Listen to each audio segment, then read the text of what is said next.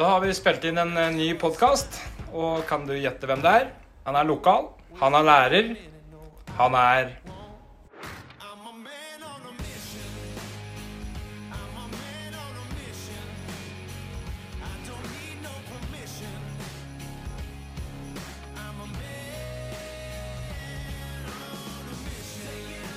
Tusen takk for at du ville komme til Brumunddal. Takk for at du inviterte meg. Jo. Eh, Nå hadde vi jo en liten eh, prat på Hamar. Så vi hadde en liten brainstorming rundt, eh, rundt hva vi skulle prate på. Yes. Og bli litt bedre kjent. For jeg slo jo opp eh, Hamar Arbeiderblad en morgen her. Og da så jeg at du var eh, tydelig fremheva der blant noen saker i Hamar, ungdomsmiljøet i Hamar. Det stemmer. Ting som skjedde på CC bl.a., da spesielt. Mm. Og så leste jeg videre for å bli litt kjent med deg, historien din. Og du heter jo Mirsa, det glemte jeg å si. Mirsa, Du kan Mhm. få si hjertenavnet ditt sjøl. Romalik. Romalic. Romalik, som nordmenn sier. Romanic? ok. Ja, eh, men Mirsa, det går bra. Det går bra. Ja. og mm, jo mer jeg leste der, jo mer så skjønte jeg og egentlig tenkte at det, han fyren her, han skulle vi hatt på alle skoler i hele landet. En lærer som ikke er helt firkanta, gjerne med litt tattiser og skjegg, og Ja, det er hyggelig. som tør å si meninga si og ikke er redd for prøve. Og så hadde du òg en bakgrunn og en business og litt uh, andre ting som òg gjorde at jeg skjønte at det er noe tyngde da, bak eh, meningene dine. Ja, det er det. Så eh, jeg vet ikke, men Du kan jo først prate litt på altså Du er jo ikke født og oppvokst i Norge. Nei, det er jeg ikke Jeg kom hit som fireåring. Uh, Er opprinnelig fra Bosnia. Så når borgerkrigen starta, så Etter litt om og men og en liten stund så klarte vi å komme oss eh, ut fra Bosnia inn til Kroatia før vi ble videre sendt til uh, Norge. Og da hadde Samlingspunktet vårt var eh, Kroatia, for pappa satt i konsentrasjonsleir med bl.a. bestefar og min onkel. Mens han andre onkelen min var eh, med sin kone og sin da to år gamle sønn i en provins i Serbia. Så han kom seg til Norge etter hvert, mens vi kom oss litt før han. Ja. Så samlingspunktet var først Kroatia, og så ble vi alle sendt til eh, Norge. Så var vi ganske takknemlige for å komme til Norge, siden det er jo på et verdens beste land å bo i, da. Ja, du mener? Jeg mener fortsatt det, selv om det er en del ting som kunne blitt utbedra. Men hvilket land har ikke utbedringspunkter, selvfølgelig. Så vi var, kom hit. Da ble vi plassert først i, på Åkershagen, på um, asylmottaket der. Ja. Vi bodde ett års tid. Eh, så ble vi videre plassert til Stange. Hvor jeg vi er på måte oppvokst. da, Hamar, eller Stange og Hamar-området. da. Men det var i hovedsak Stange jeg vokste opp da, fram til jeg var ca. 18 år, 19. Og så var det litt i Elverum for å studere, og så var det til Hamar. Og, hvor jeg på det ble bonus. Hatt lite opphold i Sandvika, men i noen måneder, og så tilbake til Hamar igjen. Ja. På Hamar som er på det stedet mitt, da, som, hvor jeg trives godt. og ja. Hvor mange år har du bodd i Hamar? Jeg har bodd siden jeg var sånn ca. 19 år. Litt av og på. Eh, men hovedsak da, så har jeg vært der siden jeg var 19 år. Og så er det Hamar jeg har oppholdt meg mest i. Da, og fått miljø her da, rundt omkring. Og jobba i Hamar-skolene siden jeg var ja, 19 Først på litt på Ottestad ungdomsskole. Så litt på Romedal. Og så begynte jeg på Ener når jeg var 22. Og så nå har jeg blitt der siden da. Nå er jeg 35. Ja, så du er på ener nå i dag? Nå på Ener ungdomsskole, ja. Mm. Men det er litt av reise du har hatt eh, for å komme hit i dag? da. Opplevd både krig, eh, flukt, eh, konsentrasjonsleir som familie har satt i. Altså, har med deg noe bagasje og noe erfaring? Uh, uten tvil. Det er jo mye ting man opplever. Uh, heldigvis nå Jeg var fire år gammel når krigen starta, så jeg skal ikke påstå at jeg husker alt. Jeg husker en del uh, som på en måte har preget meg litt i senere alder. Da. Så Før så tenkte jeg ikke over at det skulle prege meg noe som helst. Tenkte jeg, var greit, jeg opplevde det her.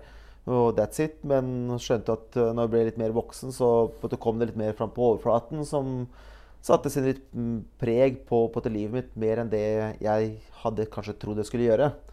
Men det har jeg heldigvis fått det ganske greit under kontroll på nå. Og kan ikke si det preger meg mye, men i perioder gjør det det selvfølgelig. Så det er litt bagasje man drar med seg. Så er det litt opp til hver enkelt. Da. Hva har de tenkt å gjøre med den bagasjen, og hvordan har de tenkt å takle det. Jeg har ikke tenkt å bruke det som en unnskyldning for uh, verken min oppførsel eller mine handlinger. eller noen ting. Jeg tenker ok, greit, det er sånn det er. Det er det jeg har av bagasje. Deal with it. Takle det på en god måte. Så min måte å takle på er uh, jobb. Jeg er blitt uh, mer eller mindre litt sånn arbeidsnarkoman. Jobber fryktelig mye. Det har jeg egentlig gjort siden jeg var uh, 22 år. Hatt alltid fire-fem jobber, mye baller i lufta. Og så har jeg på en ja, utvikla meg til den personen jeg er i dag. da. Og i hovedsak så er jeg på en Mirza læreren. Og så har det vært uh, greit. Da har jeg begynt å jobbe på institusjon. Begynte å jobbe på, som dørvakt. Og så senere starta jeg et treningssenter. Og så jobba litt sånn på dugnadstjeneste da, med, med hvordan uh, hjelpe ungdom. da. Mm. Som har utvikla seg nå at å har fått en rolle i Hamar kommune. En rolle eller en jobb, eller hva er det du har? Det blir, eh, det blir en rolle i noe som heter Ung 16.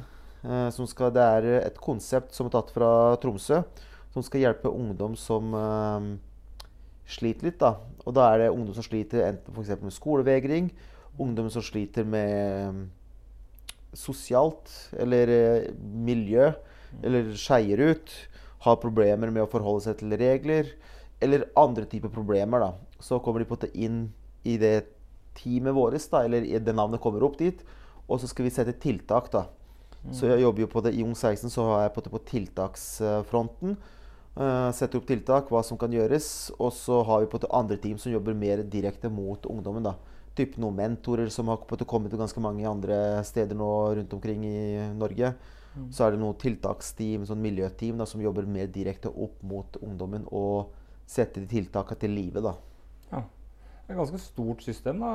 Eller mange Um, involverte, eller er det uh, Altså Ung 16 stort. tenker jeg på? Ja, det, det er en del involverte. For det er jo samarbeid mellom skoler, politi, eh, psykologer, BUP, MSD. Så det er, på, det er mange assistanser som er med på banen da, for å på ivareta ungdommen på best mulig måte og gi best mulig tiltak. Ja. Så det er på et tverrfaglig team da, med folk som sitter rundt det bordet og som skal snakke tiltak. Og det som er fint, er jo på at alle har jo på sin ekspertise, så på at kan bidra positivt. da. Og at alle kan dele sine erfaringer, hva som kan funke. Og det er Ja. Så det blir på en ganske bred kompetanse på rundt det bordet, da. Mm. Og um, Det var jo også noe av grunnen til at jeg tok kontakt med deg. For at uh, de som kjenner meg, da, vet jo at jeg er veldig opptatt av å putte erfaringskompetansen inn rundt det Mm. bordet òg. For jeg ser at det er ofte at det samles lærere og folk med forskjellige, forskjellige erfaringer fra, fra både jobber og, og forskjellige ting i livet. Men, um, men uh, jeg ser òg fra tidligere erfaringer at uh, hvis du plasserer en som har rusa seg Mm. sjøl, så oppnås veldig lett tillit, kontakt og åpenhet blant den som skal ut av rusen. Mm. Det samme i politiet. Hvis jeg møter en politi politimann som har mye erfaring med rus, eller på en måte kanskje ikke er Altså Jeg har møtt politimenn som har rusa seg òg. Mm. Eh, samtalen er en helt annen. ikke sant? Hvis han Mm. forteller meg at jeg har prøvd litt jeg òg før jeg ble politi, så, så er forståelsen der med en gang. Mm. Eh, da blir det på en måte altså, Det er ikke sånn at du åpner og tømmer i et avhør for deg. Men Nei. den tillitsforhold som tre, altså den lille, bare den lille biten da, gjør det veldig effektfullt. Og gjør det Ja. enklere å jobbe sammen for å finne løsninger. Eh, Åssen er det i Ung 16? Har dere med noen erfarings, på en måte med erfaringskompetanse fra de aktuelle temaene som dere jobber med? Rus eller vold? Ja, eller? det har vi. Vi har jo godt erfarne folk som har på jobba mye i sitt felt. da. Mm. Så um, på en er jeg på det, kanskje det tilskuddet kommer på en fra gulvet, om jeg skal kalle det da. Som på det har mye kontakt med eh, de ungdommene som det her gjelder. da. Eller kjenner til den ungdommen direkte, eller indirekte, for at jeg har jobba mye med sånne caser før. da. Så vi har på jeg har på blitt tatt inn da, som den måte, som kommer, som er ganske nær elevene. da. Så da på måte blir lettere å kanskje forstå litt hva de elevene trenger, og litt hvorfor de har det som, som de har det. Så jeg vil påstå på at nå på det er vi ganske bredt team for å dekke alle de punktene som vi, som vi trenger å dekke for å kunne ha et optimalt team som funker bra. Mm. Som kan ivareta den ungdommen på best mulig måte. Ja. Og, og hvor utbredt er Ung 16? Du sa det var tatt fra Trondheim. Er det bare Trondheim og Nei, Tromsø er den første. Ehm, det er der jeg hørte om det konseptet. Ehm, så de, nå har vi prøvd å få det til Hamar. Det er sikkert andre kommuner i Norge også som har prøvd eh, noe tilsvarende. Det kan jeg egentlig ikke si hvor utbredt det er, men det er i hvert fall noe som burde bli mer utbredt hvis det ikke er i flere kommuner. Da. For et fint tiltak eh, som kan skjerme de mye. Og da kan man også se på forebyggingsmuligheter. da. Før, altså at vi kan forebygge at ungdommen ikke kommer dit også. Ja. Så det er det er, um, bra konsept. Uh, vi er fortsatt i startfasen. Vi starter opp i høst. Jeg har vært med nå siste bare måneden i det. Uh, så um, fortsatt ganske fersk i det, men jeg ser på at det er gode muligheter da, til å få gjort noe med det, det jeg brenner litt for, da, og hjelpe ungdom. Interessant. Ja, for det, det, handler jo mye om frivilligheten, dette her. Ja. Det har dessverre vært litt sånn i politikken at de nesten ja, Det ene stolbeinet er kun frivillighet, og de forventer nesten at det skal på en måte bæres. Jo. Jeg skulle ønske mm. at de putta litt mer penger inn i tiltak som funka, og fikk sortert ut de tinga som ikke funka, og flytt penga litt rundt til mm. de ja, som kan levere resultat, og ikke bare på New Public Management, liksom, på mm. hva som står på papiret. Ja. Um, men og, og, mange er det dere kan ha inn under Ung 16 i, liksom der, da? Har dere ikke noe tak på hvor mange som altså, Siden vi er nyoppstarta, så har ikke det vært noe på et sånn sett problem. For vi er på et fortsatt i startfasen, så vi har ikke på et sånn sinnssykt mange ungdom. Men det, tak har vi ikke snakka om. Men det er jo på det Vi ser jo at på noen så er det enkle tiltak hjelper ganske fort. og på det, Så dem av ungdom på det blir ivaretatt. Så på det, vi kan på det check den ungdommen på det har det bra, den er ivaretatt, ting fungerer. Da kan vi jobbe med å få inn flere. Så vi har ikke satt noe tak ennå. Og om det blir noe tak, det vet jeg ikke. Uh, for så langt har vi ikke kommet. Da, som sagt, ganske nyoppstarta. Ja. Så det er nå på at vi må uh, danne oss erfaring da, med det vi har gjort de siste uh, seks månedene. Og for å gi det framover før vi på tar ny evaluering. Hva må vi få inn? Hvordan skal vi jobbe videre? Mm. Uh, men du Dette er jo en liten del av livet ditt. Ja. dette, er, dette, er, siste måneden. Ja, dette er siste måneden, ja. Det har jo skjedd en del. Altså. Fortell litt om jobben din ellers uh, på privaten. Da, eller du har ja. et uh, eget foretak? Yes. Nei, uh, ved siden av lærerjobben så driver jeg et eget treningssenter. Det heter, det heter Stormark CrossFit. Mm. I hovedsak så startet det som et vanlig CrossFit-boks. da, Hvor jeg skulle tilby nytt, ny type trening i Hamar. da, For jeg er først som starta CrossFit i Hamar. Mm. så det var på det, ok, nytt tilbud. Um, kul måte å trene på effektivt. Um, inn, ut på en times tid. Du kan være sosial så mye du vil. Uh, sosial trening, du trener med andre. Du kommer til dekka bord. Og etter hvert som jeg har begynt å få opp den treninga mer og mer til å bli bærekraftig, da, så har jeg på begynt å tenke ok, greit, hva mer kan jeg gjøre nå? Um, for jeg har jo alltid jobba med ungdom gjennom skolen. Da, så har jeg hatt med meg ungdom ned til crossfiten da, noen få ganger da, for å bare gjøre noe annet. da. Så tenkte jeg greit, hva med å prøve ut en ungdomsgruppe? Og det var på de tankene var først å få ungdomsgruppe som vil trene crossfit. da. Men så har det utvikla seg videre til at jeg har begynt å få inn ungdom som eh, kanskje skeier litt ut. da, Som trenger kanskje litt ekstra øyne på, noen som tåler de. Mm. At de på en måte er kanskje litt rappskjefta, eller at de har gjort dumme ting. da, eh, Og trenger kanskje litt veiledning. da. Så da har jeg hatt litt samarbeid med Utekontakten, som har sendt noen ungdommer til meg som vil trene. Og så har jeg på en ja, tatt til tak sjøl. Sett ok, greit, du vil trene, kom til meg. Så kan vi prøve å få ordne noe, da. Og det miljøet vi har nå på crossfiten med de ungdommene, er godt. Det er bra miljø. De trener sammen, de tar vare på hverandre, de snapper sammen. De har på en blitt litt sånn liten gjeng da, som er der fra alt fra to til fire dager i uka. Ja. Så på det prøver å få opparbeida et liksom Ja, du kan komme hit, du blir tolerert, og så tar jeg noen samtaler der hvor jeg føler det trengs, da. Um, du hadde noen regler, så jeg. Ja. Kontraktskriving. Du måtte forplikte deg litt. Yes, må forplikte seg litt. Og er bare... Hvorfor er det viktig? Nei, jeg tenker at uh, hvis du klarer å forplikte deg til en enkel kontrakt da, med f.eks. møte opp tidsnok, gi beskjed når du ikke kommer, uh, gjør det du får beskjed om på treninga, at det kan både hjelpe å danne litt en struktur. Da. At du kan klare å følge andre typer regler da, som vi, du kommer til å møte i samfunnet. Da. Det å forholde seg til enkle regler. Så de reglene jeg på en krever, er ikke sånn veldig store, men det er i hvert fall en start. Mm. Og så blir det en liten konsekvens, da. Og det kan alt være i form av Ok, greit, du meldte ikke fra at du kom, ikke kom på trening.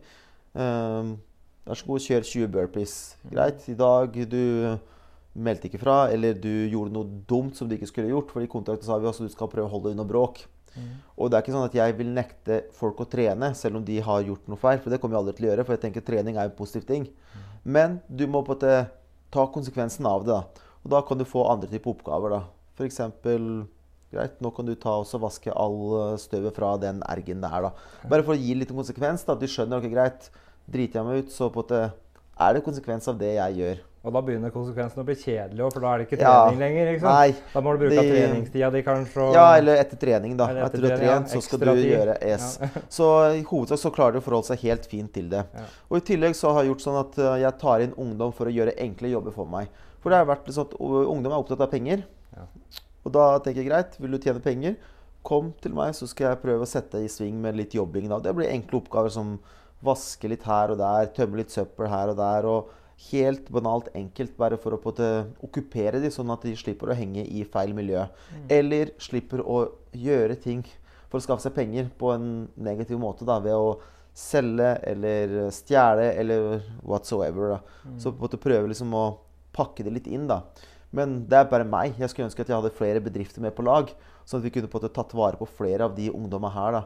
At vi kunne hatt en bank med kanskje 10-15 steder som har lyst til å ha en ungdom som ikke altså Nå snakker jeg om ungdom som er typ sånn fra 12-13 til 15-16-årsalderen. eh, som på en måte kan jobbe på forskjellige bedrifter. Og små, enkle jobber, bare, så de har noe å gå til og forholde seg til, og noe som de mestrer.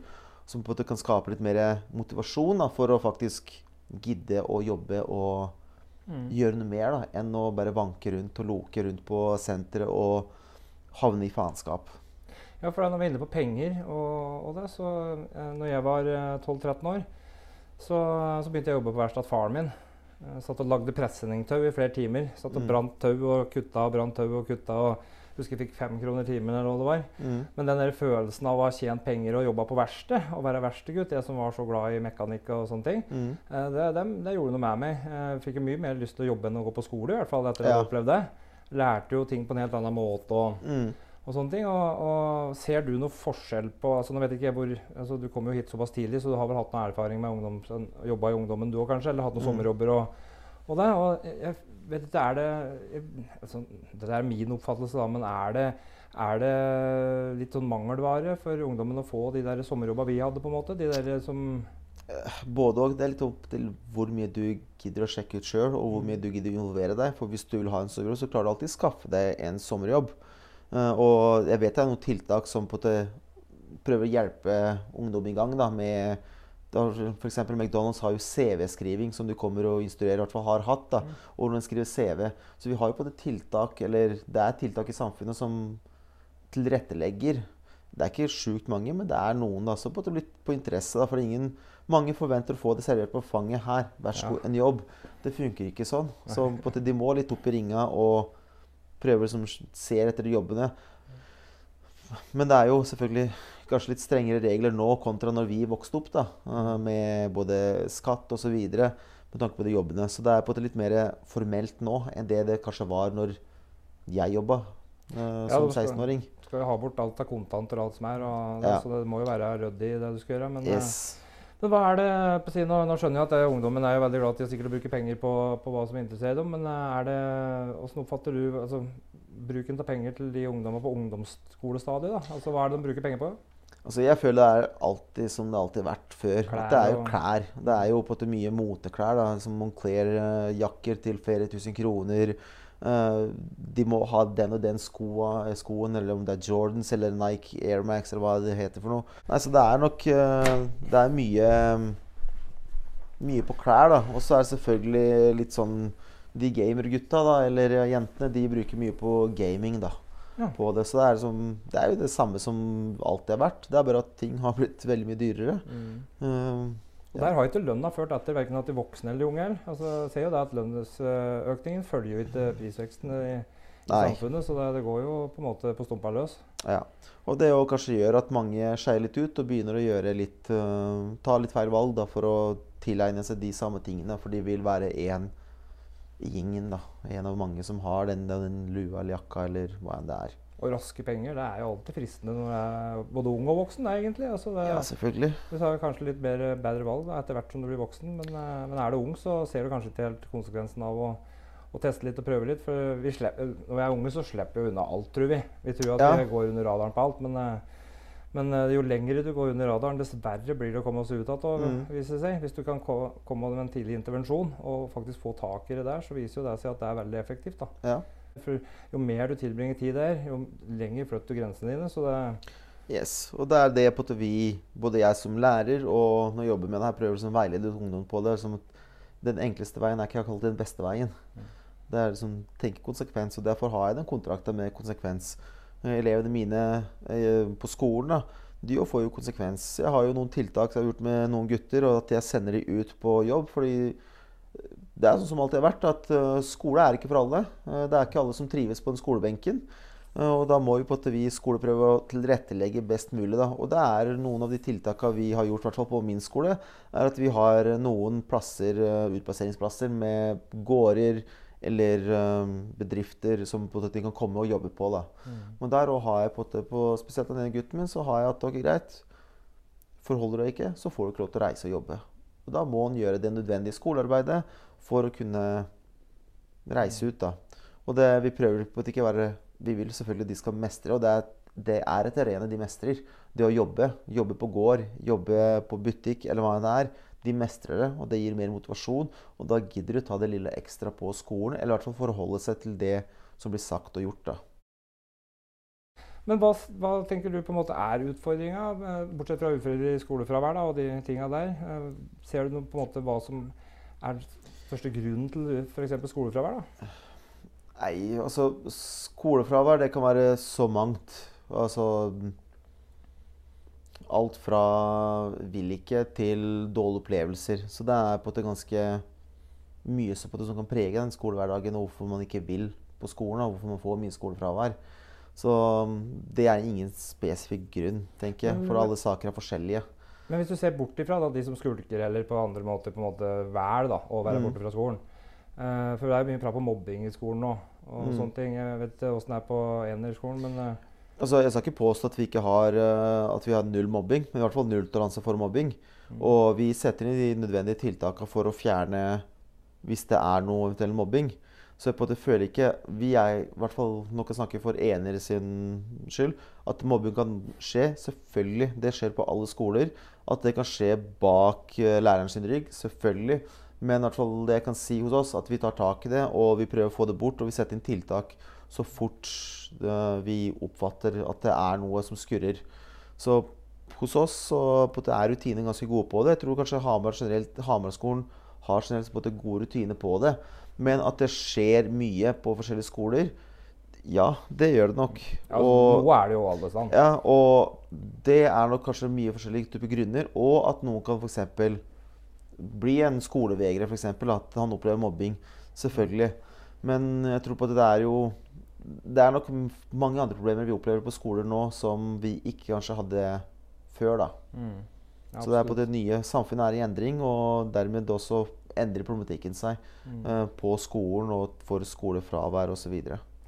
Jeg leste noen tall, oppdaterte tall her fra, fra Dagbladet, for Dagbladet har jo vært veldig på med mobbesaker. det. Mm. Så de har vært veldig mye framme i media og, og sjekka opp eh, tall og sånn. For det finnes jo ikke noe fraværsregister som egentlig Nei. kan si at så, sånn er det. Jeg tror de fant ut at fra 5. til 10. klasse i hele Norge eh, Så klart det er jo sikkert noe mørketall der òg. Så var det da jeg mener det var 50 eller 60 000 eh, elever som følte seg utrygge eller mobba. Mm.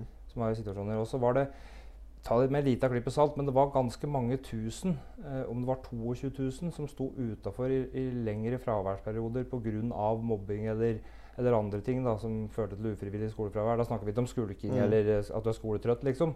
Men at det er andre ting som påvirker at du ikke klarer å dra på skole. da. Mm.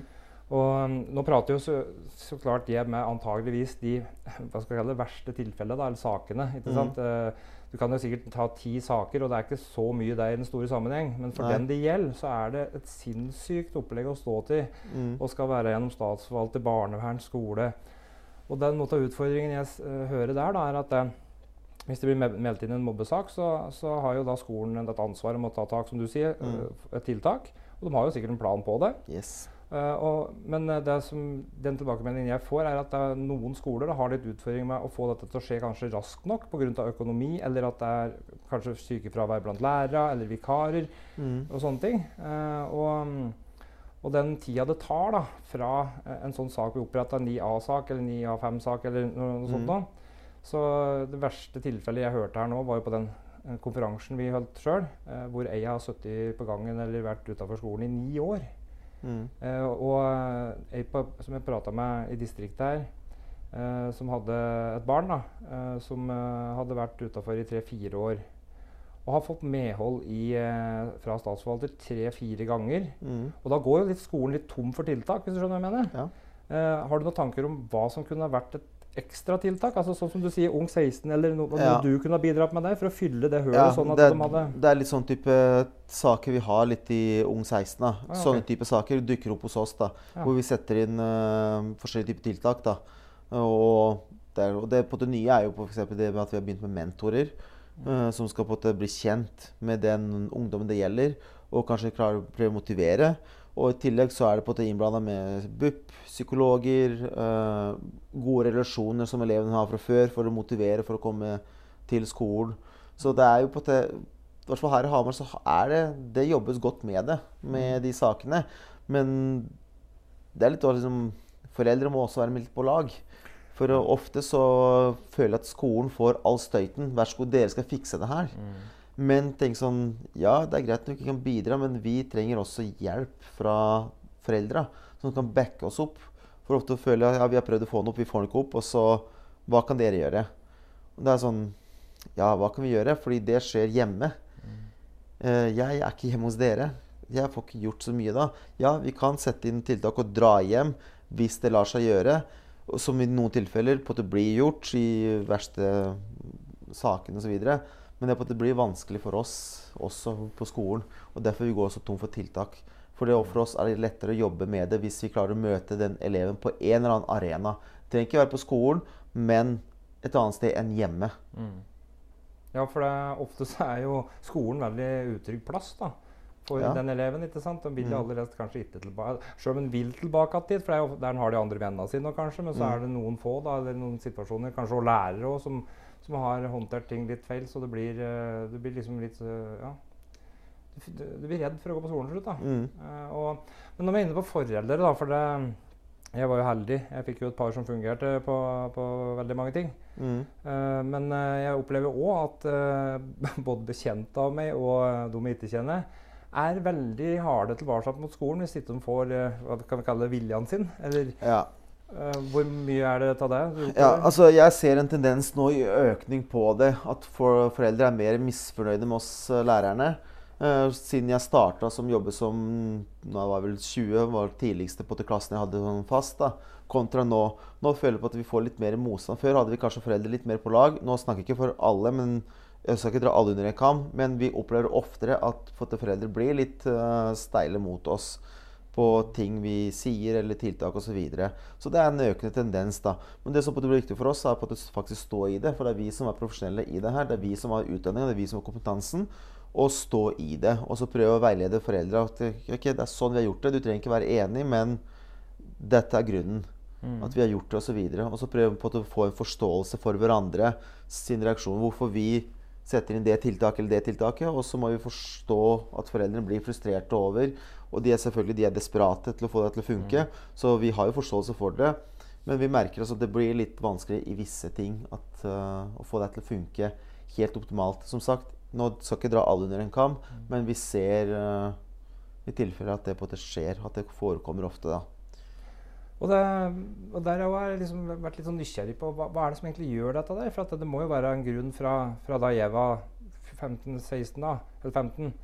Um, for da, mutter'n og fatter'n hadde jo en respekt for lærere. Altså Når de kom inn i, i foreldremøter og sånn, så var det ikke snakk om å snakke, prate imot læreren da. Da, da Mm. lytta du og hadde en respekt, og det var en autoritet. liksom. Mm. Uh, og jeg tror det er sunt med et sånt forhold til skolen. da. Altså, om du, du skal ikke være redd om eller du skal ikke være underdanig, men, men jeg tror det er sunt å på en måte prate med folk med en sånn en respekt da, for yrket og for jobben de gjør. Altså Uansett hvor man er, så er det på viktig med den respekten. At Mhm. man viser respekt for hverandre. Men dessverre så har det blitt litt sånn at eh, læreren sin rolle har jo endra seg drastisk. eh, og vi har fått flere og flere arbeidsoppgaver. Og dessverre, vi er ikke godt nok utdanna til alle de oppgavene vi har fått. Eller vi er jo utdanna lærere. Men nå da er det kanskje en forventning at vi skal løse flere problemer eh, enn det vi er egentlig tiltenkt i vår rolle. da. Og da blir det frustrasjon fra foreldra, for de kanskje har en forventning at dette skal skolen løse. Og da blir det frustrasjon, og da blir det kanskje den der uh, mistilliten litt til oss òg, da. At de føler kanskje ikke vi gjør nok, da. Men opplevelsen deres blir jo sikkert det. Ja, for at de ser jo kun resultatet. De ser ikke jobben dere gjør i, i forkant. ikke sant? De, Nei. de bare hører hva dere skal gjøre, og Mm. så ser de at det ikke blir gjort. Og så Ja. er det kanskje en liten forståelse for hvorfor det ikke blir gjort. For det er Ja. alltid sin grunn, som regel. Selvfølgelig. Men det skal sies også at det er jo mye foreldre som faktisk viser den forståelsen og den viser den respekten og skjønner ok, greit, de har prøvd og gjort for barnets beste, og det har dessverre ikke fungert, så vi må på en måte se andre veier. da. Så på det er eh, Vi opplever begge deler. Selvfølgelig. Vi ser en økende trend på den at de har kanskje litt mer eh, spørsmål til oss og litt mer kanskje mistillit enn før. Men selvfølgelig det finnes også mye fine foreldre som ser den jobben vi gjør. Så det er liksom Ja. Det finnes både og, og sånn er det. Det finnes lærere som gjør kanskje noe ekstra, og lærere som ikke gjør det. Så ja. Men jeg tror uh, uansett, nå kan jeg, at- jeg vet ikke du er enig med meg, da, men, uh, men jeg tror at skole, eller kommunen som er skoleeier, da, Mm. burde fått mye mer midler å putte inn i skolen, sånn at de kunne fått de folka som trengs det. For at det er- virker som det er der det største gapet ligger. For det mangler ikke på folk som vil bidra, virker det som. Nei da. Um, det er sånn da at um, det er lite økonomi inn i skolen. Og det er ofte, vi hører ofte liksom innstramninger her og der.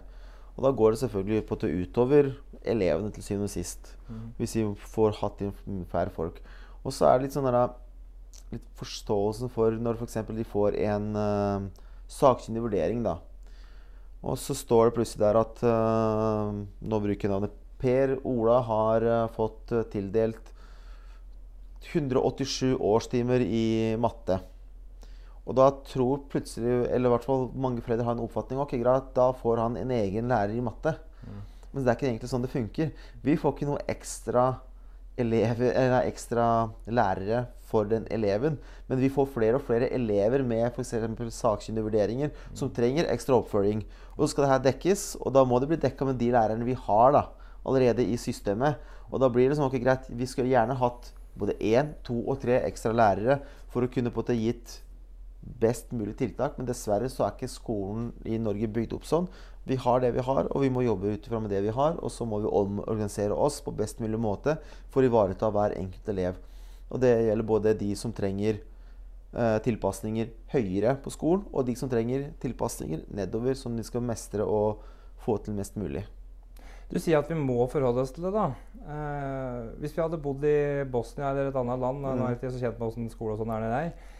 Men eh, jeg ser jo at er det Frankrike? De er veldig flinke til å kjøre traktorene sine oppe på eh, stortingstrappa og spre møkk utafor uh, statsministerboligen. Og hvis ting ikke skjer, liksom. Mm. Jeg sier ikke at vi skal dra dit da, eh, og lage Nei. sånne opptøyer, men, men, eh, men eh, når det har gått så langt som det har gjort, da, og vi er i en situasjon som gjør at ikke bare må vi begynne med en helt ny måte å forebygge på, for den som Mm. gamle fungerer ikke i, i forhold til hvordan evolusjonen har, har gått. da. Mm. For ungdommen har forandra seg, foreldre har forandret seg, teknologi har forandret seg. altså Alt har forandret seg. Og så er forebygging det er liksom det samme gamle, for at Mm. det, det fungerte en gang. Og så ser vi nå at nå må vi kanskje endre forebyggingsarbeidet parallelt som at vi må ta tak i det som må brannslakkes da, og virkelig Mm. stoppes. på en måte. Og så har vi det etterarbeidet, da, oppfølging. Når folk endelig har kommet gjennom den kverna og skal ut igjen som et produktivt medlem av samfunnet, eller etter fengselsdommer eller straffer eller konsekvenser eller hva det enn er, Mm. så er det jo ingenting der heller. Altså det, det, hele systemet er jo så skakkjørt nå at det nytter jo ikke bare å sette inn for, hvis, for å løse en hel situasjon, altså nytter det ikke bare sette inn litt ekstra lærere, tror jeg. Altså, hvor, hvor, det, hvor langt skal det gå tror du, før vi må sette ned beina og si sånn at vet du hva, hvis ikke dette her ordnes nå, så sier alle lærere bare fuck it, og så kommer vi ikke tilbake igjen før det er ordna, liksom? Nei, si det. Jeg er sikker på at det er noen lærere som har tenkt det. altså det, er sikkert, det er mange lærere som er på det frustrerte over situasjonen, selvfølgelig. Og det er mange foreldre og elever som er frustrerte over situasjonen osv. Men igjen, da, dette må løftes opp høyere. Og det er liksom den, Vi lærere må si ifra. Og det føler jeg ofte vi gjør. Altså Vi signaliserer oppover til våre ledere, som signaliserer oppover. da. Så det er ikke, ikke noe ukjent fenomen for de oppe der. da. Men så er det liksom den der hvordan fordele penger, hva de tenker er viktigst. da. Så den delen og saken, den lar jeg noen andre få. Det er ikke den på at, som blir jeg jobbende for å pushe på å få mer inn. For det er ikke Jeg forholder meg til det, til det jeg har, og mine rutiner og regler og det jeg skal forholde meg til. Og så får noen andre kjempe for, uh, at det går mer oppover i system. i politikk, der har ikke jeg eh, noe å bidra med. Nei, nei, nei, jeg er, håper jeg eh, kan ha noe å bidra med. Det var derfor jeg Ja. engasjerte meg i lokalpolitikken. Ja. Og, for å binde ting litt sammen. For å samle de folka som trengs da rundt Ja. bordet. Eh, og, um, så den, den biten føler jeg at jeg kan bidra litt med. Ja, Eh, og det, jeg tror nok det er veien å gå på både på skoler og på andre typer assistanser. At vi må få inn folk, flere folk inn i de forskjellige sektorene. Ikke nødvendigvis på en skole så trenger ikke vi bare lærere. Vi trenger miljøarbeidere. Vi trenger kanskje til og med en psykolog. Jeg skulle ønske vi hadde en psykolog på skolen som kunne tatt seg av saker som vi lærerne ikke har kompetanse til. Da.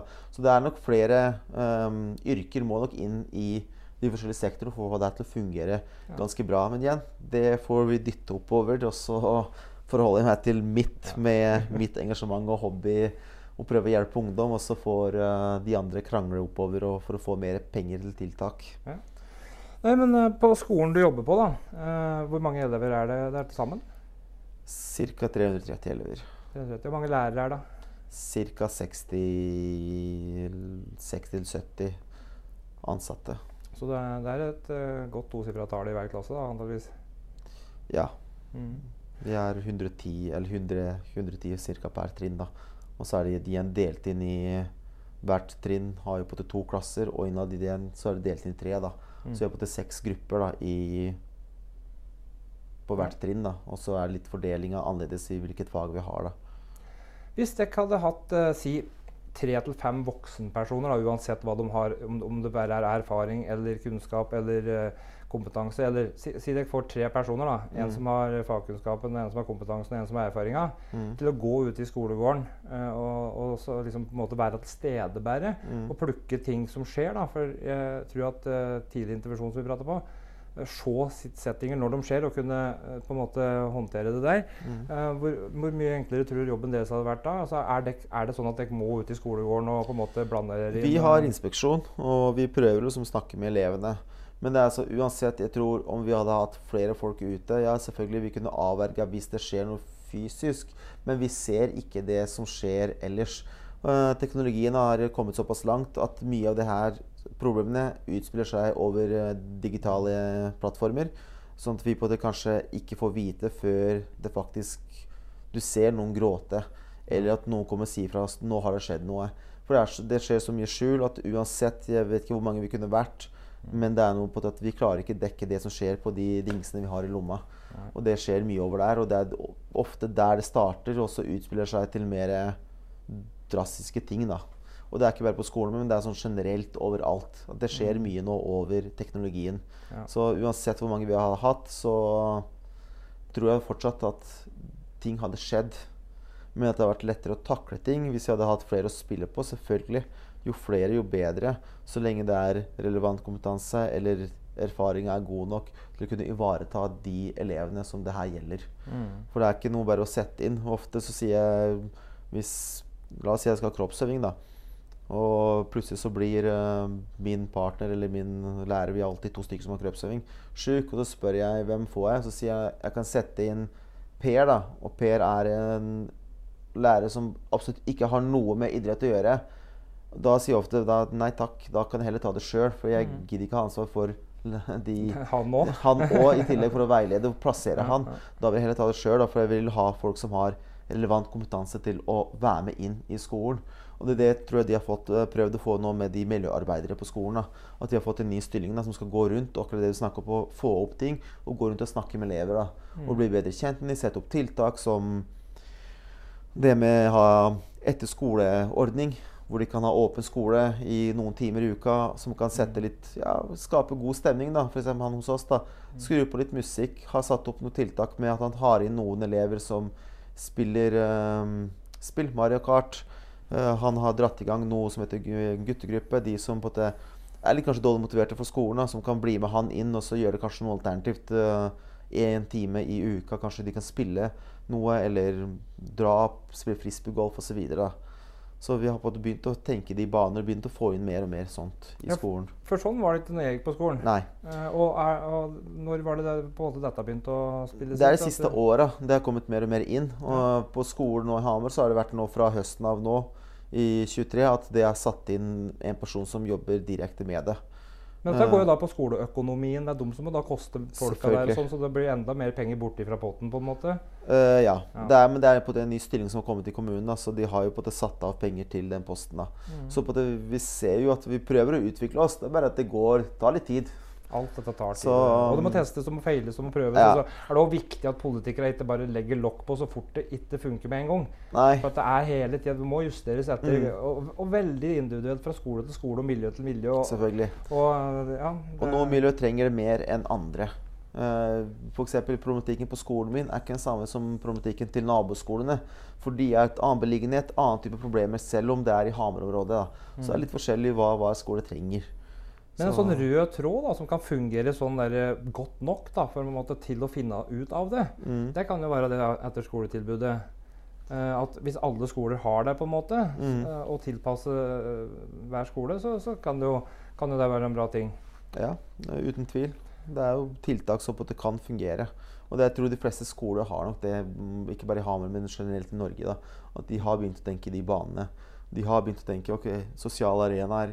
Hvor blir vi godt kjent med ungdommen? Hvor blir ungdom godt kjent med hverandre? Så det er, det er mye av det her som er tiltak, da, men fortsatt så er det på en, en, en liten gruppe som skeier ut. da, Så på en den saken eksempel min i HA, da, det er jo på den lille andelen som faller ut. Som jeg sa til han rapporteren, at nå snakker vi om kanskje 50-60 ungdommer i Hamar som står for de overskriftene. Det er 50-60 til Ja, jeg tenker det er sånn ca. 50-60 ungdommer som på en måte skaper litt av det utrygge. Sånn inn og ut, for noen av de blir litt eldre, og så på en måte danker ut, så kommer det ny inn osv. Men det er jo på en det er en liten andel i forhold til hvor mange ungdommer vi har i Hamar.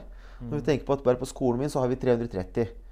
Eh, På Børstad og Aier, naboskolen, så har de flere elever enn oss. da. Så vi snakker om på en måte kanskje av rundt 1000 elever, da, så er det på en måte ca. kanskje 50-60 elever som er innblanda i det her. Og den innblandingsgraden er relativt Noen av de veldig lav, at de bare er til stede. Andre er at de faktisk har utført handlinger. Så på det en liten prosent i forhold til hvor mange det egentlig hvor mange det er. da. Så på en um, skal ikke bare, bare framstille at ungdommen i Hamar har et problem. Her er det. Ja, vi har hatt en økende tendens, dessverre. Men det finnes også mye flott ungdom i Hamar som vi kan spille på. Og Ja, ja, Som jeg nevnte for eksempel, like at jeg bruker på crossfiten min. da. Positiv ungdom som skal hjelpe de andre. Nei, og dette er jeg helt enig med deg, i. At vi, vi ser jo bare det media presenterer. Mm. Og media er vel kanskje de helt eh, skal, skal si, upartiske til tider. Eller, altså, det, vet hva de gjør for noe, men eh, vi hadde en sak her nå eh, i, i Brumunddal her, annet, om det var en eh, elev som hadde vært utagerende. Mm. Og, um, og jeg kjenner jo ikke saken personlig, men jeg skrev et lite leserinnlegg om det i avisa. For at eh, Mm. jeg fikk en sånn der følelse av at faen, dette her har jeg opplevd før. Mm. Når jeg var på den alderen der. Og Ja. det var jo aldri den stolen det gjaldt. Det var aldri den der pennalet som forsvant uh, og Mm. ble kasta gjennom. eh, Altså, det var alltid lang altså, En god årsak bak det. Alltid fra foreldre hjemme, altså Mm. overgrep, mishandling, diagnoser altså, og, og ikke minst mobbing og trakassering over lang tid, som gjør at begeret blir fullt. Selvfølgelig. Uh, så jeg mener at media har et ansvar da, med å, grave litt dypere, mener jeg, før de bare presenterer en del av saken. Jo da, men på en annen måte så skjønner jeg at media presenterer det her. da. For det viser også litt hverdagen hva f.eks. lærerne har å stri med. Nå har vi hatt Så to klart. hendelser. Både en på Katta så har vi hatt en på Ringsaker. Og det nyanserer litt problematikken som vi faktisk opplever i vår hverdag. da. Selv om det er de, det lille prosenten, da, men det er faktisk den lille prosenten på at det gjør det litt utrygt for uh, lærere og for medelever. da. Så jeg skjønner at de presenterer, og de, når de presenterer det, så på det blir litt opp i systemet, da, som du snakka på i stad. Få oppmerksomhet. Få oppmerksomhet rundt det her. da. For det, faktisk, det er en liten økende problem. Ja, det gjelder en viss andel, men den lille andelen kan fort bli større hvis det ikke blir satt inn noen tiltak. da. Og Det er nok derfor også HA tok kontakt med meg, da, fordi de vet at jeg prøver å gjøre noe med saken. Mest, altså Mye frivillig basis, nå gjennom Ung 16 og gjennom skolen osv. Men det er på det mange som meg da, som på det prøver å få gjort noe med det her. da, For å få sette inn tiltak på det her. da. Og, og en annen ting jeg kanskje savner litt, er um, For én ting er jo de som på en måte drits ut litt og får nye sjanser, og som kommer på treningssenter dit og får muligheten til å rydde opp for seg og sånne ting. Eh, men jeg er jo litt sånn opptatt av at de som For, for det sitter jo noen foreldre her som garantert føler på både skam og skyld og sinne og frustrasjon og alt, så, som er uh, foreldra til, eh, til eh, den ungdommen som har gjort det her òg. Mm. Og uansett da hva grunnen er, da, så er det kanskje vanskelig å spørre noen etter hjelp. For at det, du er liksom den skyldige, eller og du er redd for å få barnevernet på nakken. ikke sant? For Mm. det, det er jo veldig kort vei fra en skolesag, eller et tiltak, eller en skole som går tom for tiltak. Mm. bruker jo, Det kommer jo også frem i media at skoler bruker nå da barnevernet som neste tiltak. For at de har ikke flere tiltak å vise til Mm. statsforvalteren.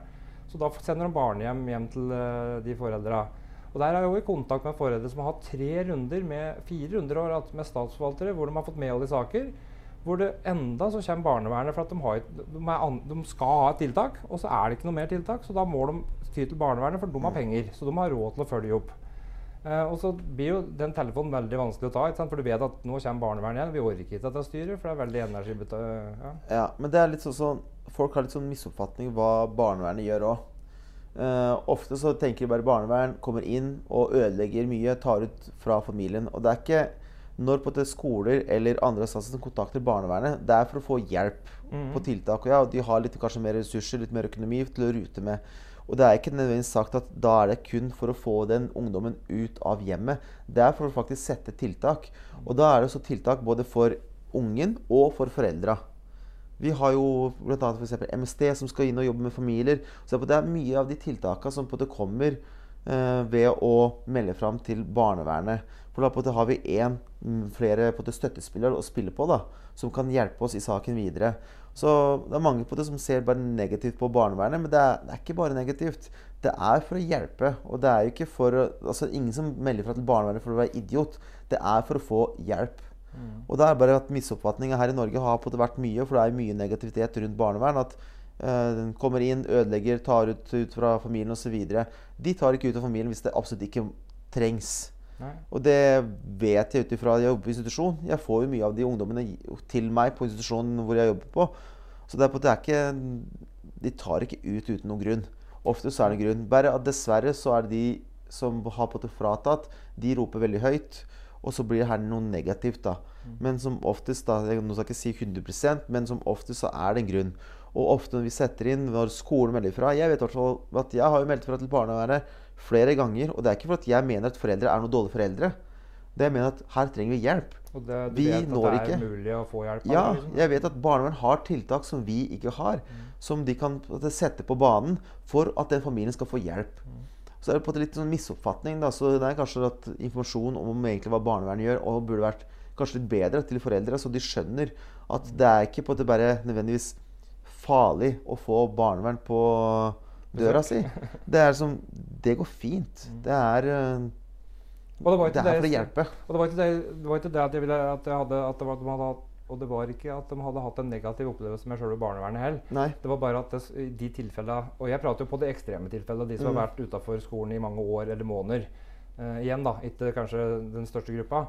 Men uh, når du har liksom hatt um, tre-fire saker med statsforvalter hvor du har fått medhold Og jeg så i avisa her òg at ni ni av ti elever som hadde blitt eh, som hadde hatt foreldre som var meldt inn til statsforvalter, fikk faktisk medhold òg. Mm. Så det vil si at det er kanskje bare én da, av ti da, som kanskje er en reell eh, blir å bli videresendt for å få ytterligere hjelp hos barnevernet Mm. eller støtte der. Og de jeg har prata med, de har ikke hatt noen negativ opplevelse med barnevernet, men de opplever veldig ofte at uh, lærere på skolen blir veldig frustrerte etter tredje runden Mm. med barnevern og tiltak, og foreldre har møtt opp på de kursa, foreldrekursa, oppfølgingskursa, inkluderingskurs, og altså, de har Mm. gjort jobben da, og brukt mye tid og penger på dette. Eh, men det var jo så ille at eh, skolen, en, av de skolen som jeg, uh, foreldrene som jeg prater med, så hadde de fått beskjed av skolen at når barn ikke ville på, eller ungdommen ikke ville på skolen, så skulle de bære han ut i bilen. Eh, fysisk ta han med på Mm. skolen. sånn at det, det, det er jo tydeligvis ting som skolen her kunne bli bedre på. da. Så, eh, nå, nå Ja. prater jeg, altså, Dette skjer jo sjelden, forhåpentligvis. Men, eh, men, eh, men de fleste sa at eh, når, når de hadde en prat med barnevernet, så fikk de, fikk de hjelp på det. Men, men den hjelpa bar ingen plass. For når de var ferdig med den runden, så hadde på en måte skolen oppfylt forpliktelsen sin med tiltak. Mm. Eh, og så kom eleven inn igjen i andre enda og tilbake på samme skolen hvor mobbinga fortsatte.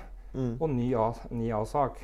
Ja. Så det mangler på en måte noe, kanskje Ung 16, kanskje noe skoleloser, Ja. eller hva det heter. altså. Nå er jeg ikke kjent med saken, og det er jo på at alle saken har sin gang og sin problematikk. da. Så Ja, nei, men det var bare Jeg synser litt for å høre om du er noe kjent eller har liksom noe Nei, altså med det. Sånn. Jeg har både positive og negative erfaringer med egentlig alle assistanser, for sånn er det. Det funker for noen, det funker ikke for andre. Eh, vi må samarbeide og gjøre det beste ut av det her. Og spille på lag og ikke spille mot hverandre. Og det er ofte på at det kan fort skje da, at man på at det blir litt sånn i hugeren mot hverandre istedenfor å ha det samarbeidet. For til syvende og sist så vil alle ønske barnets beste her. Og det er det vi må tenke hele tida. Uh, og de tilfellene jeg har jobba på Jeg er jo brutalt ærlig. Jeg ringer og sier fra. Jeg kommer til å si sånn, sånn og sånn. Og det er ikke, for jeg gidder ikke pakke inn. Jeg er ærlig. For at vi skal få den hjelpa vi trenger, så må jeg være ærlig på det her. Om det sårer Ja, det kan være hardt å høre det. Men det er realiteten. Deal with it, sånn at vi får hjelp i ungen. Så er det noe med den åpenheten og prøve å få til samarbeid og skjønne at vi er ikke ute etter å ta hverandre. Vi er ute etter å få mest mulig hjelp til å hjelpe den ungdommen. Hva det er, om det er skolevegring, eller om det er problem med å forholde seg til regler, eller om det er eh, at man tar feil valg. Samme det. Så lenge vi får på dette hjelp, og vi får hjelpe den ungdommen, det er det som er viktigste. Ungdommen i fokus. Prater du noe med de der 56 ungene? Hva er ja. drømma deres? Hva ønska deres? Altså, hva er det de kunne ønske seg at det var mer av, eller annerledes? da, for at ja. de ikke skal ha så mye fritid? eller at, Hva slags hjelp trenger de, eller ønsker de? Eller? Nei, Som jeg sa i det artikkelen, liksom det er noe med å se gjennom de, eh, Gjennom alt den på til hva skal jeg si, kalle for driten som de framviser, da, ved at vi har en annen oppførsel som ikke er akseptabel i samfunnet. At de raner folk, f.eks., eller at de havner i bråk med slåssing osv. Det er noe på å se litt forbi det, og se på at det, den ungdommen bak all de tingene der, da, ser jo ikke greit. Hva er egentlig dine kvaliteter? Hva er dine interesser? Hva er det egentlig du liker? Og begynne å jobbe med dem på den måten her. Så jeg har snakka mye med dem, og mange altså det jeg ser en tendens her i Hamar, at det har litt den der jeg kaller for gangsterkulturen. Mm. At de skal gå og leke litt uh, kule og tøffe. De raner folk og gjør litt sånn som de ser på filmer og serier osv. Men når, både, når jeg snakker med dem, mange av dem, og har sett hva de sier Jeg var bl.a. på VG sånn videregående skole besøksdag. Og så spør, Da var det på salg og service, og da var det tydeligvis overprestert gruppe av de ungdommene der var jo uh, ikke legge skjul på, det var minoritetsbakgrunn. Mm. Og når læreren der spør hva er eh, drømmen deres, så rekker de opp hånda. Samtlige sier 'tjene penger'. Og da var de på salg og service-linja. Mm. Og da var det på at målet er mm, penger, penger, business. penger. Business. De vil ha penger. ikke sant? Mm. Det er det som på var målet til mange. Ikke nødvendigvis alle, men det er De vil ha penger, de vil ha noe god økonomi. Og da kan det skje ut at de gjør dumme ting. da, Stjeler osv. Så det er liksom det er, de har, Alle har mål. Mm. Det er bare at de tar kanskje litt feil valg nå. Men det er noe å veilede de inn på riktig vei igjen. da. Ved både samtaler og ved å gi dem mulighet. For det er mange som ikke vil gi de her gutta eller jentene mulighet til å komme seg tilbake. Og jeg tenker Vi må se forbi den dritten. fordi da, som du sa, at alle fortjener å bli, få en ny sjanse og få på det fiksa opp for seg. da, Og få en mulighet til å bedre seg. Så jeg det er det jeg jobber litt med. trenger noen runder for å, å, å skjønne at, uh, at, vi er de personene som gir dem de sjansene de trenger òg. For ja. det, det, er ikke nok, det, er ikke alltid at tre strike er nok. Det kan hende på måte 10 og 12 og 15 og 20 uh, runder med både små og store ting før, det på en måte, før jeg som ungdom har tillit til deg. da, At det er, shit, han er jo faen litt ute etter å å bare Nei. ta meg eller snitche. Eller, altså, han, han, han, han, snakker både om og med meg pga. at han faktisk bryr seg ja. og vil mitt beste. Og, det, og, den tilliten der bygger på at den når du kanskje aldri har hatt den, eller at den har blitt skikkelig misbruka før, mm. det tar tid, altså. Ja, og det er det jeg har prøvd å prøve litt på her med de ungdommene, i hvert fall de jeg kjenner til, da, mm. er at jeg spør mye. For å få informasjon. Og det er ikke for at jeg vil noe vondt, men det er for at det er lettere for meg å prøve å hjelpe dem. Mm. Uh, og jeg jobber jo på Altså når jeg tar tak i ting, så er det ut ifra informasjonen jeg får av andre ungdommen. Uh, for det er de som må fortelle meg ok, det her skjer sånn og sånn, for at jeg skal kunne klare å ta tak i det. Så jeg må ha en viss tillit, da. Og den tilliten er ikke, den er ikke bygd på dagen. Og, så jeg er liksom avhengig av å ha litt tillit hos enkelte som kan på en måte gi meg informasjon, sånn at jeg kan hjelpe de enkelte som det her gjelder. Mm. Og det er ikke sikkert jeg klarer å hjelpe dem, men jeg kan i hvert fall prøve. Og så får de drite seg ut da, en gang på gang på gang, og så kanskje du skjønner greit Kanskje han skalla utlendingen eh, hadde Faktisk det han sa, var kanskje litt vettu. Kanskje jeg skal faktisk gjøre noe med det. Kanskje jeg skal heller spørre om hjelp med han eller noen andre, da. Og dette må jo òg læres ikke ved, at du faktisk erfarer det. For at, det, at du sier det, det betyr jo ingenting før, før du før, for altså, Monkey see, monkey do. ikke sant? Uh. Altså det, du må faktisk vise det med handling. Og den jobben du gjør der, da, den er så sinnssykt viktig. Jeg tror ikke folk skjønner egentlig hvor mye jobb, og hvor omfattende og hvor tidkrevende og alt dette der er. Eh, så Derfor vil jeg fortelle deg den historien her, Ja. bare for å fortelle at vet du hva, Mm. den jobben du gjør, den, er, den trenger du mer ros for og oppmerksomhet på enn det Ja. du faktisk får, mener jeg. Det- Nei, men det jeg gjør det den, og den, som, så lenge jeg får noe av informasjon, Mm. og de har litt tillit til meg, så er det på en måte Det er greit. Mm. Da har jeg på en måte lyktes. Som sa i HA, at liksom, jeg spør 14-15 ganger før jeg kanskje får noe informasjon. Og det er greit, liksom. Og jeg maser jo på de. På noen av de enkelte så jeg, snakker jeg høl i huet på de. I håp om at kanskje av de 1000 setningene jeg sier, kanskje det går inn to av de. Som Ja. Det er repetisjon og underbevisstheten. Og, Ja, og og så er det noe med som sagt at jeg gir ikke de opp. Mm. Hvis jeg fortsetter å mase og mase, mase, til slutt så skjønner jeg greit, han vil meg vel. Han er ikke ute etter å bare uh, ta meg på ting. Hvor langt ø, har du måttet gått? Altså, hvor, hvor mye foreldre og, og ø, foresatte på en måte har du Jeg regner med at du har ikke bare fått venner, sikkert? av deg? Nei, jeg har jo hatt noen få enkelte foreldre som blir eh, litt irriterte på meg og litt sure og kanskje tenker 'hva har du med saken å gjøre', osv. For at du blander deg? Ja, liksom? for at jeg blander meg inn. Og så tenker jeg bare ja, greit, det, det får være din mening.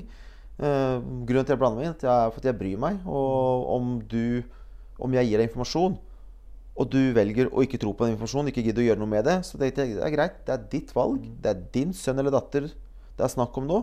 Hvis du stoler mer på de enn det som på blir sagt fra en som har mye kontakter rundt, rundt omkring, så får høre det, greit, da er det ditt eget valg. Eller så kan du høre etter, og så kan du i hvert fall være obs på det. Mm. Så nei, ikke alltid venner, men som ofte så setter folk pris på det. At jeg sier ifra.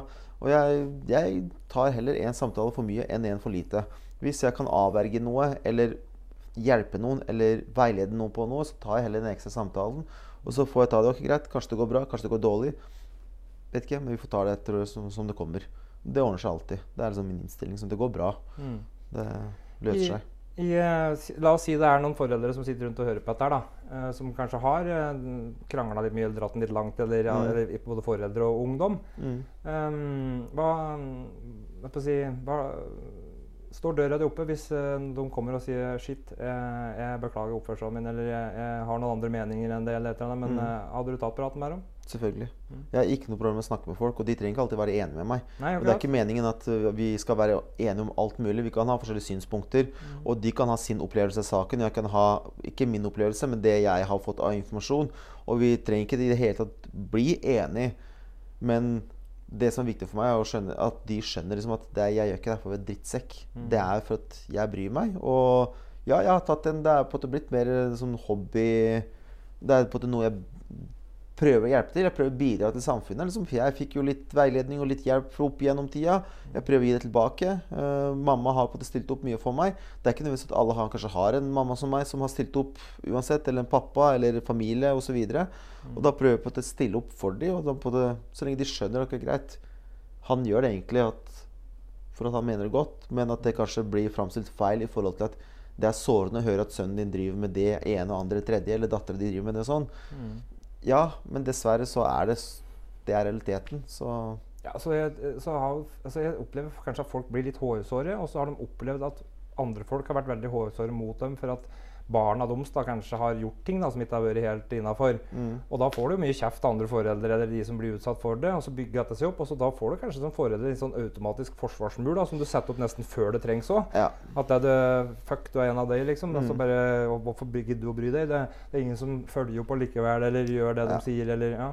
Så det, det er viktig å treffe de riktige folka Ja, ja. å prate med. ikke- Yes. Så Men du prata litt på det med, med, med etnisitet og de gruppene som samla seg og sånne ting. Mm. Eh, og eh, du sa, var det, Misforsto jeg hvis jeg sa at det, det var den gruppa eh, som, eh, som var veldig opptatt av å tjene penger? Er de mer opptatt av å tjene penger, de med minoritetsbakgrunn, enn nordmenn? Nei, samme det alder, tilfellet hva- her var jo at det var ganske mange av de. Vi satt i et klasserom, så var det kanskje litt auditorium, da. Det var kanskje ikke Kanskje 40 elever, og 20 av de var Også Og så halvparten var eh, med minoritetsbakgrunn. Mm. Og på det, samtlige på det rakk opp hånda. da. Så det var på det et eksempel. Siden Ja. det var salg og service. Og der var det på det mange som har interesse for den. da, For alle skal jo bli er Millionærer. Ja, det er jo målet til mange. Det er lov, det. Så, ja. Jeg syns det er sunt. Ja. Det, Så, men det er ikke noe dermed sagt at noen At f.eks. de med norsk bakgrunn At de ikke har lyst til å tjene penger. Det er jo bare at akkurat det tilfellet der Mm. Og det er ikke til å skjule på at mange av de minoritetsbakgrunn har havna i en del skit. Ikke nødvendigvis i alt. Det er også en god del nordmenn der. Men dessverre så viser statistikk at det er øh, ut fra hvor mange vi er Altså nå sier jeg vi. Altså, jeg er utenlandsk sjøl, så og du kan jo si det. ja, jeg kan si det. At vi på en måte havner eh, litt oftere i, uh, i uønska situasjoner. Så ja, statistikkmessig, da. Må vi jobbe annerledes med de med minoritetsbakgrunn? Må dem ha deg for å kunne stole på deg? Eller kan jeg komme og få samme tilliten? eh? Altså, Eller omvendt, da. For at det, Altså At det kan være lettere for én med minoritetsbakgrunn mm, koble seg bedre opp på en sånn type ungdom. Ja, det kan godt hende. Mm. Ikke nødvendigvis, men det kan hende. Men det, til syvende og sist så på det er- det kommer litt an på mennesket og Mm. hvordan han forholder seg til, og hvordan han er med de type ungdommene eller voksne, eller hvem det enn gjelder. da. Men at de kan kanskje kjenne seg igjen, da, at jeg er utenlandsk. Mm. At mange av de kan kjenne seg igjen i meg, eller at jeg kan kjenne meg igjen i de. Ja, selvfølgelig. Fordi altså, er du oppvokst i Norge og er norsk, så er det på det vanskelig å dra den der Ok, jeg vet åssen det blir kalt for eh, det ene og andre som på en måte er rasistisk ment. da.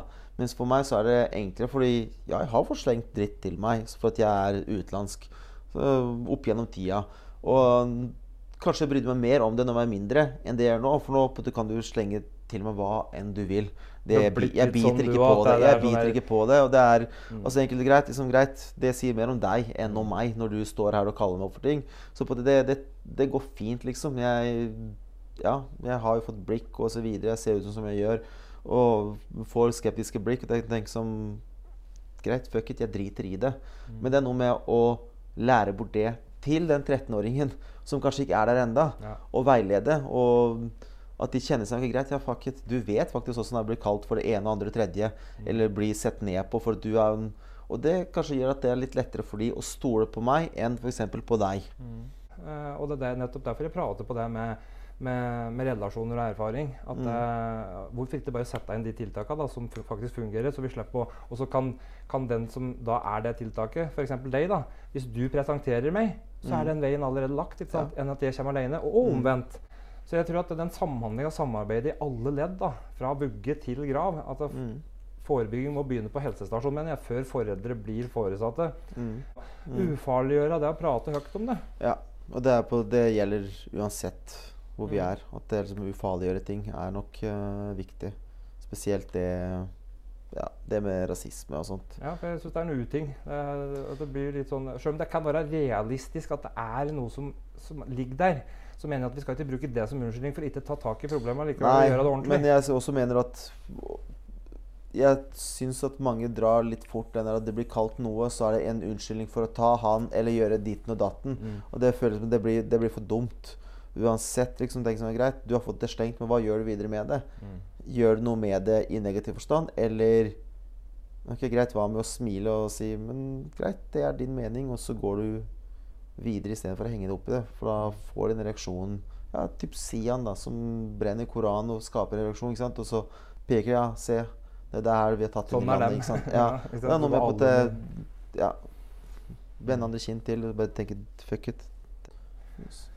Men vi skravler jo. Eh, tida går sikkert. Ja. Jeg ser telefonen din eh, har jo vært mer lys enn mørk, så jeg regner med det er noen som ja, savner det deg. er eh, en del, ja. Jeg det er en del ungdommer som jeg følger opp, som Jeg har det på Snapchat. Ja. Lettere å kommunisere med dem på Snap enn eh, på vanlige meldinger. ikke sant? Så ja, så jeg ser noen av de skal ha tak i meg. Det, er, de gjør- det skjer litt. Ja. Nei, men eh, Yes. sånn eh, avrundingsvis, hva, hvis du kunne ønske deg tre ting da, fra kommune, skole og samfunn, bedrifter altså, hva- Hva kan vi gjøre for å bidra for at du skal på en måte få litt mer fart og, og, og tyngde da, til det du gjør? Nei, altså Det jeg håper på, er jo at vi skal få flere med på lag med bedrifter og andre aktuelle aktører eh, for å få sette flere i arbeid. Da er det snakk om jobb. Altså, Da, da snakker vi direkte jobb. lønna jobb ja. for de ungdommene. Det på en jeg tror det kanskje det kan være et tiltak som på en måte kan okkupere ungdom til at de oppholder seg et annet sted og får positive opplevelser med faktisk å skape ting, lage ting, eller hva enn det er. Oppleve mestring. Og så se ok, greit, det er sånn det her fungerer.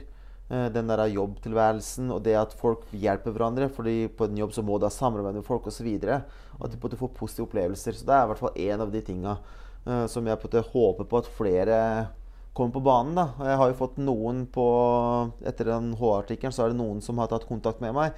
Som, det er for litt eldre ungdom, da, men fortsatt. Det er i hvert fall noen, så jeg håper at flere kommer på banen, da, så vi kan hjelpe flere. Ja.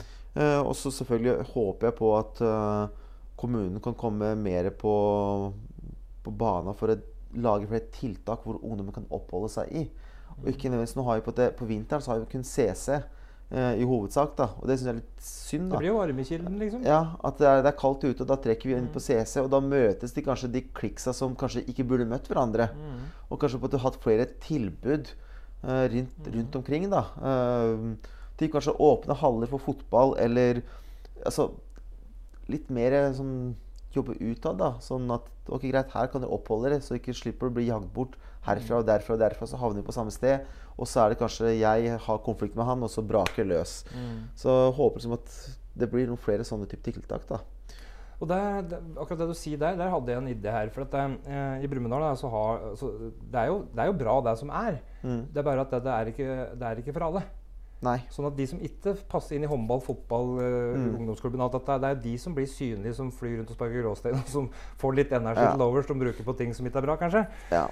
Og så spør jeg dem, liksom, de som, går, eh, som surrer litt i gaten, så spør dem hva er det dek, hva, hvis, hvis jeg kunne gitt dere hva dere ville, liksom, hva er det dere ønsker? Nei, da var det liksom eh, motocross eller bilcross eller mekking, eh, savne en plass å være, liksom, og skru litt, Mm. eller er interessen vår? Så det, er sånn, jeg tenker, sånn, det er jo et ungdomshus de savner, altså, eller en liten sånn varmekilde. da. Mm. Jeg tenker ungdomskafé. da.